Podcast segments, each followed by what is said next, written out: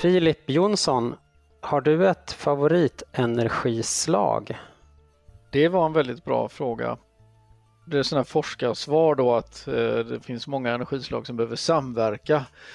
Men jag får väl ändå svara att jag tycker att en vindkraft har en väldigt stor potential som är outnyttjad och kanske framförallt havsbaserad vindkraft i Sverige har en stor potential. Okej. Det här är podden Forskning och framsteg samtal och jag heter Jonas Mattsson och är chefredaktör för Forskning och framsteg. Och med mig idag har jag Filip Jonsson, professor i uthålliga energisystem vid Chalmers tekniska högskola. Välkommen Filip! Tack så mycket! Om en stund ska vi lyssna på en inläst version av Marie Alpmans artikel om hur grön vätgas tillverkad genom elektrolys kan bidra till ett fossilfritt samhälle. Artikeln finns att läsa i Forskning och framsteg 8 2022 och även på webben fof.se.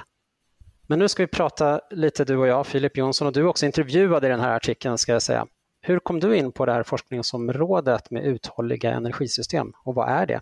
Ja, det är också en väldigt bra fråga, men eh, vad, vad, det är så att säga. Men eh, jag kom in på det kan man säga att jag sökte den professuren som jag har då. Jag höll faktiskt på mycket mer tekniknära forskning innan, alltså som var experimentellt baserad. Och sen när jag fick den här professuren då så riktade jag om forskningen mer då åt, ja, som namnet antyder, alltså energisystem när man tittar på omställningen av hela energisystemet då. Och eh, det har alltid varit väldigt intresserad av det.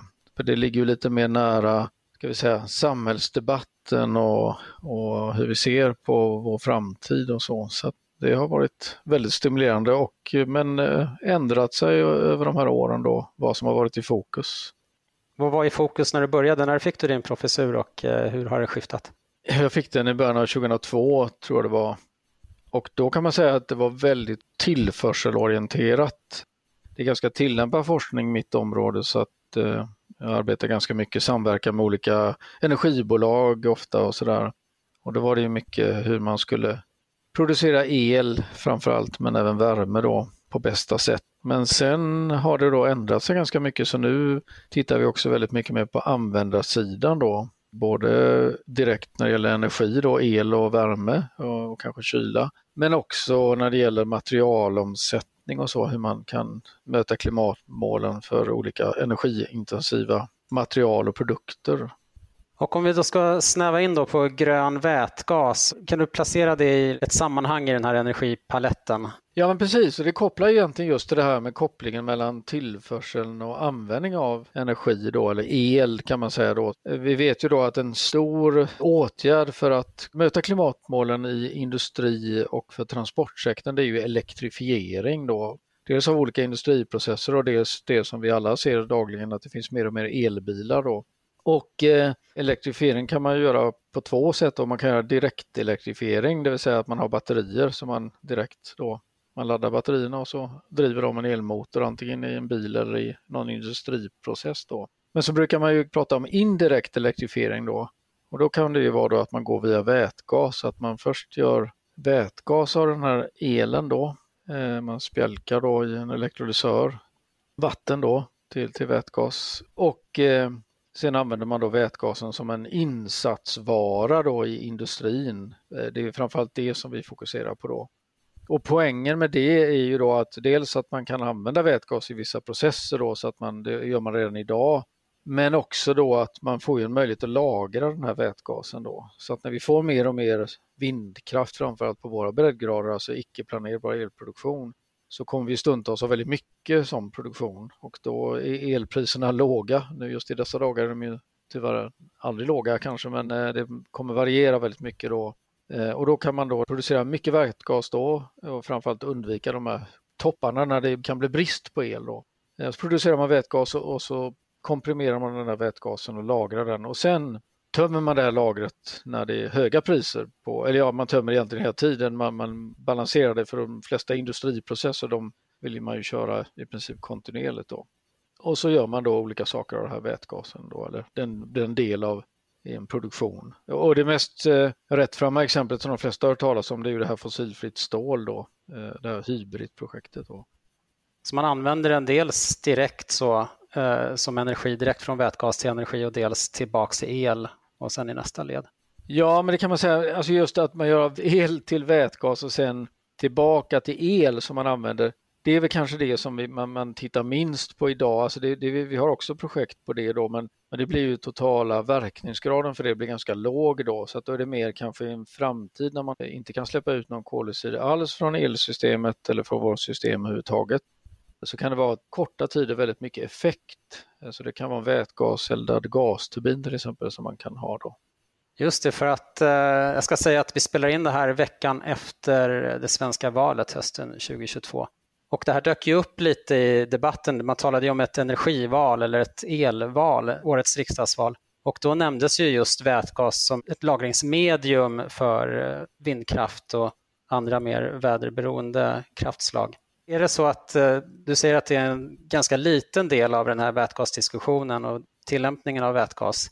Hur trovärdigt är det som eh, liksom en framtidsplan att eh, vi ska kunna lagra stora mängder el i energisystemet som vätgas?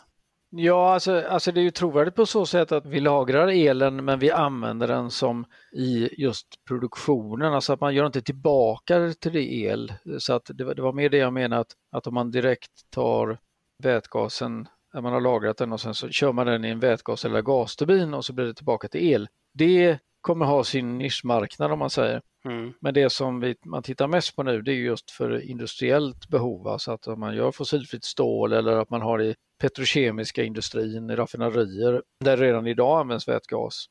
Och där vill man då ha grön vätgas istället. Eh, och sen stålindustrin, den här fossilfria stålet, det är ju en helt ny process då som man utvecklar. Ja, just det. Där kommer det ju inte vara marginellt, utan där kommer det vara en betydande del av omställningen. Man förlorar väldigt mycket energi när man omvandlar elen till vätgas och sen tillbaks igen. Skulle du säga att det är värt att hålla på med det här? Det är bara en sida av myntet. Den andra sidan är ju vad kostnaden blir och, och i ett framtida energisystem när vi just har en blandning av olika elproduktionstekniker men troligtvis stora mängder icke-planerbar elproduktion då, vind och sol. Och det andra randvillkoret liksom är att vi får inte släppa ut någon koldioxid. Då kommer det vara timmar när det kommer vara lite grann som vi har nu faktiskt, att det kommer vara en utmaning att få fram den här koldioxidfria elen som möter elbehovet. Då skulle det kunna komma in, men då blir ju de timmarna så att säga värda ganska mycket och då, ja, då är det ju priset som styr och då kommer det ju tävla med effektiviseringsåtgärder och efterfrågeflexibilitet och sådant. I min forskning tittar vi på alla de här åtgärderna, hur de kan samverka. Flexibilitet både på efterfrågesidan och flexibilitet i tillförselsidan. För det var lite min nästa fråga. Vad tycker du att vi bör satsa på i omställningen från en fossilbaserad eh, energiekonomi? Ja, i Sverige så är det ju framförallt industrin och transportsektorn som är fossilbaserad. Vår elproduktion idag är ju nästan fossilfri då, men man förväntar sig att elbehovet då på grund av elektrifieringen kommer öka väldigt mycket. Det är ju upp till fördubblat elbehov och, och då är det ju just hur vi ska få fram den här elen då. Och där är det ju återigen kanske inte så mycket teknikerna som man borde diskutera. Som du, du nämnde det att vi har precis haft ett val och där blev ju debatten tyvärr väldigt mycket vindkraft som ställdes mot kärnkraft. Men snarare är det nog så att det är de här hindren som måste undanröjas för att vi ska få fram elproduktion i, i tillräckligt snabb takt. Och det handlar om att få effektivare tillståndsprocesser engagera lokalsamhällena bättre i planering av både ny elproduktion och även att bygga mer överföringsförbindelser som behövs mellan prisområden, ansluta till exempel havsbaserad vindkraft och sen kanske också nya ersättningsmodeller så att man får del av de här inkomsterna som blir från till exempel lokal elproduktion då. Så att det är mer den typen av, ska vi säga, mjuka och institutionella hinder som är utmaningen, inte så mycket vilka tekniker det är. Och då är det ju så att det som går att bygga ut snabbt i huvudsak, det är de flesta överens om i branschen och forskare, det är ju vind och sol medan kärnkraft kommer ta längre tid att bygga och kan naturligtvis komma in men då troligtvis lite senare då. För idag är, är det stora osäkerheter på kostnaden där och den är dyrare då. Så det är alltid mer, det är lite olyckligt att debatten har handlat så mycket om teknikval snarare än, än det som möjliggör omställningen. Även om kärnkraften är, det tar tid innan man skulle få igång den om man skulle göra en utbyggnad.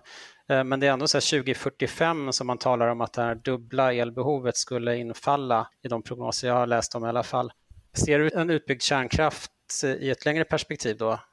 Ja, det återstår ju att se egentligen. Eh, hittills så, så det som man har en investeringsvilja i, det är ju mycket förnybart. Så att det ytterst är ju det såklart att en, en acceptansfråga också vad, vad man kan, alltså både en kostnadsfråga, för kostnaderna måste ner på kärnkraft betydligt och det måste bli mer förutsägbar om man ska få fram det. Och sen finns det lite sådana begränsningar att man får bara bygga kärnkraftverk där vi redan har kärnkraft och sånt, men det, det bör man ju kunna ändra och så.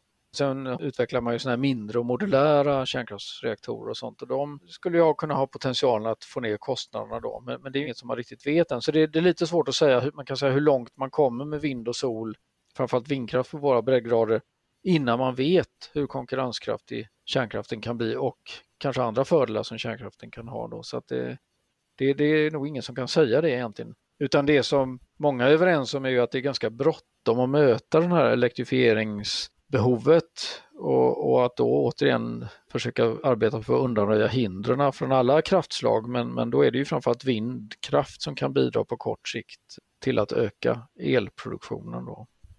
Hur kommer det sig att den här frågan har blivit så politiserad? Det är så här, kärnkraft till höger och vindkraft till vänster. Ja, det är faktiskt en väldigt bra fråga.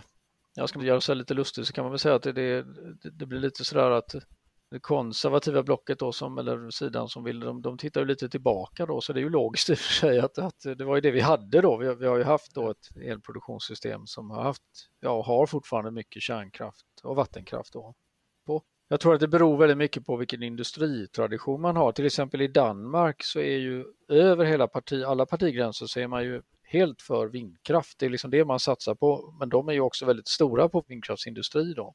I Sverige har vi faktiskt delar av vindkraftsindustrin och så, men, men inte på samma sätt. Där har vi ju haft en tradition naturligtvis med mer stora tunga generatorer och, och, och även kärnkraftteknik då. Så att det kan vara en del av, av förklaringen då det här valet som då var nyligen när vi nu spelar in det här, då talades det ju mycket om energi och elslag och elpriser. Medan den större klimatfrågan som ju hänger ihop med energidiskussionen halkade ner från dagordningen. Hur blev det så? Ja, det är väl också något som jag kanske inte har något jättebra svar på, men, men jag tror att tyvärr har väl politiken blivit att man försöker hitta då skillnader. Det kanske är så när det är komplexa saker och stora utmaningar så försöker man hitta de här sakerna där man tycker att man skiljer sig åt och helt enkelt ta fasta på det och då lite grann som skillnaden mellan ska vi ha fler poliser eller ska vi ha mer förebyggande åtgärder och sådär. Att det, det blir de här vattendelande sakerna som då överdrivs när det troligtvis är så att de här vägvalen vi har i energiomställningen är nog inte så många som vi kanske tror då, utan återigen det är andra saker som lite mer, ska vi säga politiskt eh, osexiga saker som kanske är det som man behöver fokusera på, tillståndsprocesser och sådana saker som är kanske lite svårare att köra fram i en, en politisk debatt och positionera sig så att säga då. Ja, det kanske är de här osexiga grejerna som är svaret på min nästa fråga. Vad krävs av samhället och oss som individer för att klara en hållbar energiförsörjning framåt? Jag tror en sak som, och jag vill också markera, tänka det att det är lätt att på något sätt ge intrycket att man skyller på politiker, men jag, jag, tänker att vi, den här riktigt gamla slitna klyschan, man får de politiker man förtjänar. Jag tror att vi alla måste inse att vi måste nog kompromissa lite grann om vi ska lyckas med den här omställningen, det vill säga att vi får acceptera att det kanske blir lite vindkraftverk i horisonten då och, och det kanske blir ett nytt kärnkraftverk. För det är ju alltid så att vissa ogillar en viss teknik, andra ogillar en annan teknik och vissa kanske inte vill ha någonting och sådär. Om vi inte kan kompromissa så, så blir det ju liksom ingen omställning. Så jag tror att det mycket ligger där i att politiskt så handlar det ju om det som vi har haft ett antal gånger och väl egentligen har, om den är väldigt svag nu, men det är ju energiöverenskommelser, alltså i de här stora samhällsutmaningarna, att man hittar breda politiska överenskommelser som man kan hålla fast vid. Då. Sen kan man ju ha olika hopp om vilka tekniker just som, som man hoppas på, men att fokusera på att ge stabila förutsättningar för marknaden, det, det, det tror jag är, är det viktigaste. Du sa att du gillade vindkraft till havs lite extra. Varför då? Ja, alltså jag gillar ju inte, jag gillar, jag gillar inte att, att, att, prata om ordet gilla, utan det, det som är grejen är väl att det är ju där vi har en väldigt stor potential fram till 2030. Vi har ju i Sverige nästan ingen havsbaserad vindkraft alls trots att vi har en jättelång kust medan Tyskland och Danmark har jättemycket havsbaserad vindkraft. Så att där har vi liksom inte lyckats då. Sen, sen eh, så, där, så det är med det att jag, där ser jag en stor potential så att säga. Vad forskar du om just nu? Vad har du på bordet? Ja, dels så forskar vi just på olika sätt att integrera och göra ett smartare elsystem, det vill säga att man olika flexibilitetsåtgärder, smart laddning av elbilar, smart styrning av värmepumpar, vätgas för stålindustrin, olika former av, av hur man kan bli flexibel, hur de kan samverka för att möta då elproduktionen. För det är ju så, om man har ett elsystem med större mängder variabel elproduktion från vind och sol. Om man då tar den här vindkrafts och solproduktionen och drar bort den från förbrukningen, då får man ju den här nettolastkurvan som man brukar säga, det vill säga den energi eller elproduktion som måste täckas av annat då. Och då kan det vara flexibilitet och det kan vara planerbar elproduktion då. Och tricket är ju liksom att kunna täcka den nettolastkurvan då. Och det tittar vi mycket på då. En lite annan grej då så tittar vi på hur man kan ta bort koldioxidutsläppen från basmaterial fram till slutprodukter, alltså cement till byggnader och stål till bilar och sånt där. Då. Så det är det vi har kommit in på de senaste åren då, som kopplar också ganska mycket till energisystemet. Och det tror jag vi får återkomma till i Forskning och framsteg längre fram. Tack så mycket Filip Jonsson. Tack själv. Nu ska vi lyssna på Marie Alpmans artikel som även finns att läsa i Forskning och framsteg 8 2022. Du som vill prenumerera på Forskning och framsteg kan alltid gå in på fof.se podderbjudande. Artikeln är inläst av Erik Björnfot på Iris Media. Här byggs motorn till vätgassamhället. Förnybar vätgas pekas ut som nyckeln för att nå klimatmålen. Men för att tillverka all vätgas behövs elektrolysörer. Forskning och framsteg åkte till Norge och besökte världens första helautomatiska fabrik. Texten är skriven av Marie Alpman.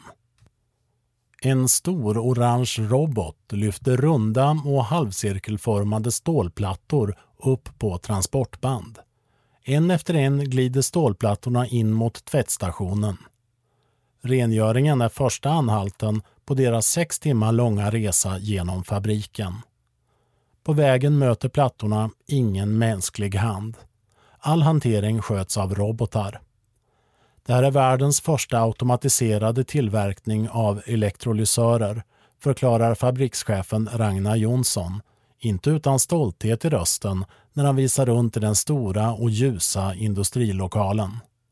Vi är hos Nell i norska Heröja, cirka två timmars bilfärd sydväst om Oslo. Den nya fabriken invigdes i april och innebär en rejäl kapacitetsökning. Automatiseringen innebär också att kostnaderna kan pressas samtidigt som kvaliteten blir högre och jämnare, säger Ragnar Jonsson. Människan har länge använt vätgas för olika ändamål. En av de första tillämpningarna var i vätgasballonger och senare luftskepp. Vätgasen tillverkades då genom att behandla metall med syra.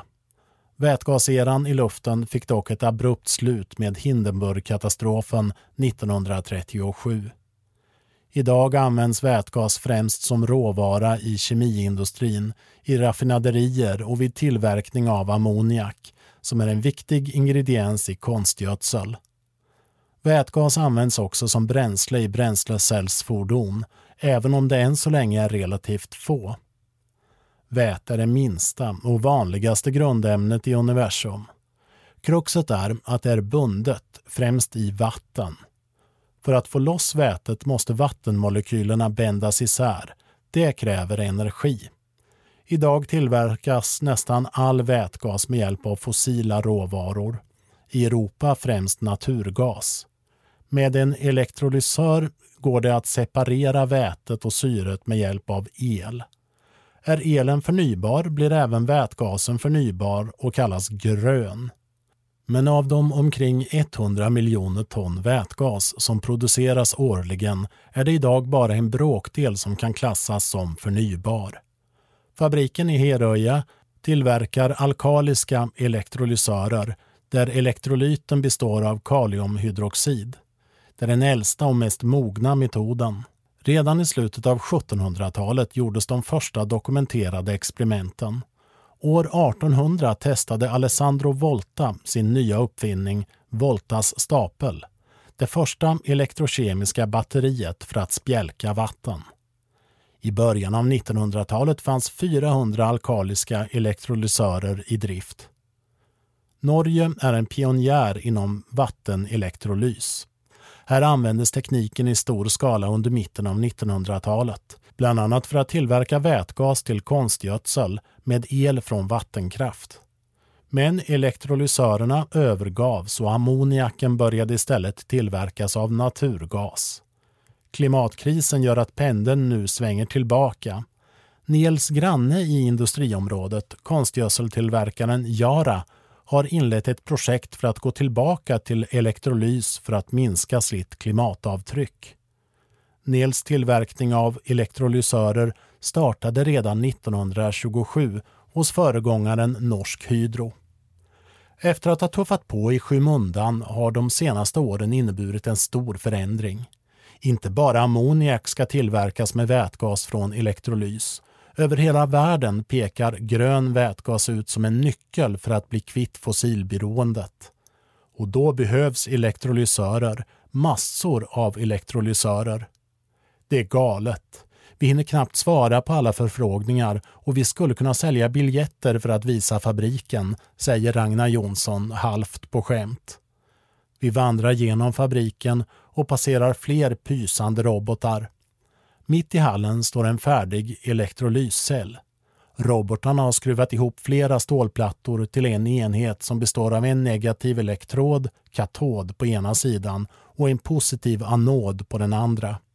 Mellan anod och katod sitter en separerande stödplatta. Det är en rejäl pjäs. Diametern är 1,8 meter. Måttet och den runda formen är ett resultat av att tillverkningen tidigare skedde manuellt, förklarar Ragnar Jonsson.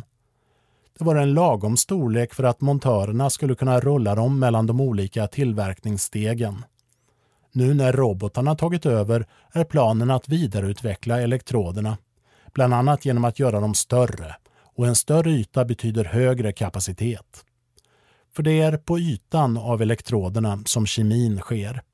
Liksom batterier bygger elektrolys på en elektrokemisk process. Runt elektroderna finns vatten och en elektrolyt. När en spänning läggs över elektroderna delar vattnet upp sig i syrgas som bubblar upp vid anoden och vätgas vid katoden. För att processen ska bli så effektiv som möjligt jobbar Nels utvecklingsingenjörer med att ständigt förbättra elektrodytorna Katoden får först en speciell strukturbehandling som ökar den aktiva ytan. På både katod och anod läggs sedan flera olika ämnen som skyndar på reaktionerna. Nickel används som katalysator, men vilka andra ämnen som ingår i receptet är hemligt. Men en fördel med de alkaliska elektrolysörer som tillverkas här är att de inte kräver några ovanliga jordartsmetaller eller dyra metaller som platina. Hjärtat i fabriken är två långa rader med tankar med kemikalier. Från taket sänks elektroderna ner i baden, får sin behandling, lyfts upp och går vidare till nästa. Totalt går de igenom 35 olika bad. Där sker magin, säger Ragnar Jonsson. De färdiga elektrodcellerna packas i trälådor som skickas till kunderna där de sätts ihop. Den största modellen består av en stack av 229 celler på rad. Ragnar Jonsson liknar den färdiga elektrolysören vid ett paket kex. Gummibussningar håller ihop paketet som fylls med elektrolyt. Membran ser till att vätgas och syrgas inte blandas.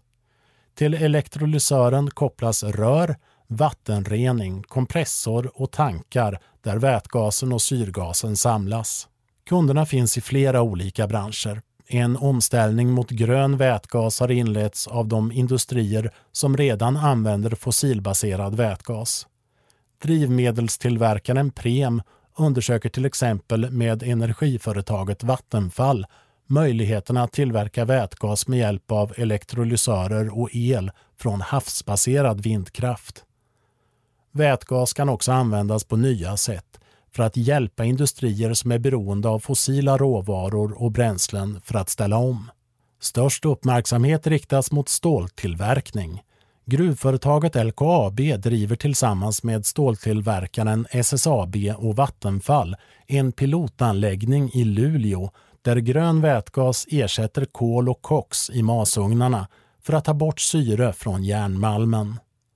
I Boden har den nya ståltillverkaren H2GS nyligen fått grönt ljus för att bygga en helt ny fabrik för fossilfritt stål. Tunga transporter är ett annat användningsområde.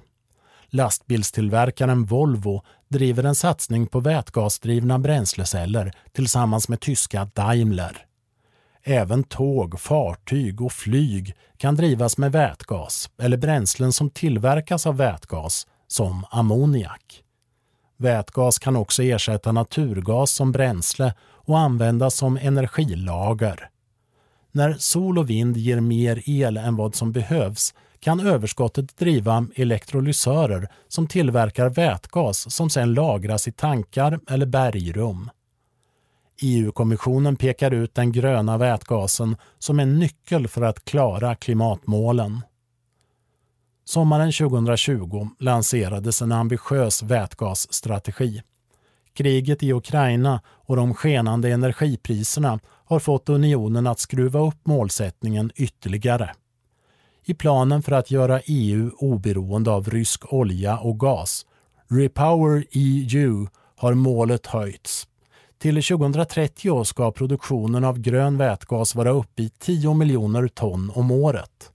Enligt elektrolystillverkarna kommer det att krävas 500 terawattimmar förnybar el, drygt tre gånger mer än Sveriges totala elförbrukning. I en ny rapport från Ingenjörsvetenskapsakademin uppskattas behovet av grön vätgas i Sverige till mellan 20 och 25 terawattimmar till 2030. Om allt tillverkas med elektrolys innebär det en ökad elförbrukning med 30-40 terawattimmar. Som jämförelse är den totala elförbrukningen i Sverige cirka 140 terawattimmar om året. Elektrolys kräver väldigt mycket el. Det är den stora utmaningen, säger Filip Jonsson, professor i uthålliga energisystem på Chalmers tekniska högskola i Göteborg och en av författarna till rapporten. Han påpekar att det inte bara krävs mycket el.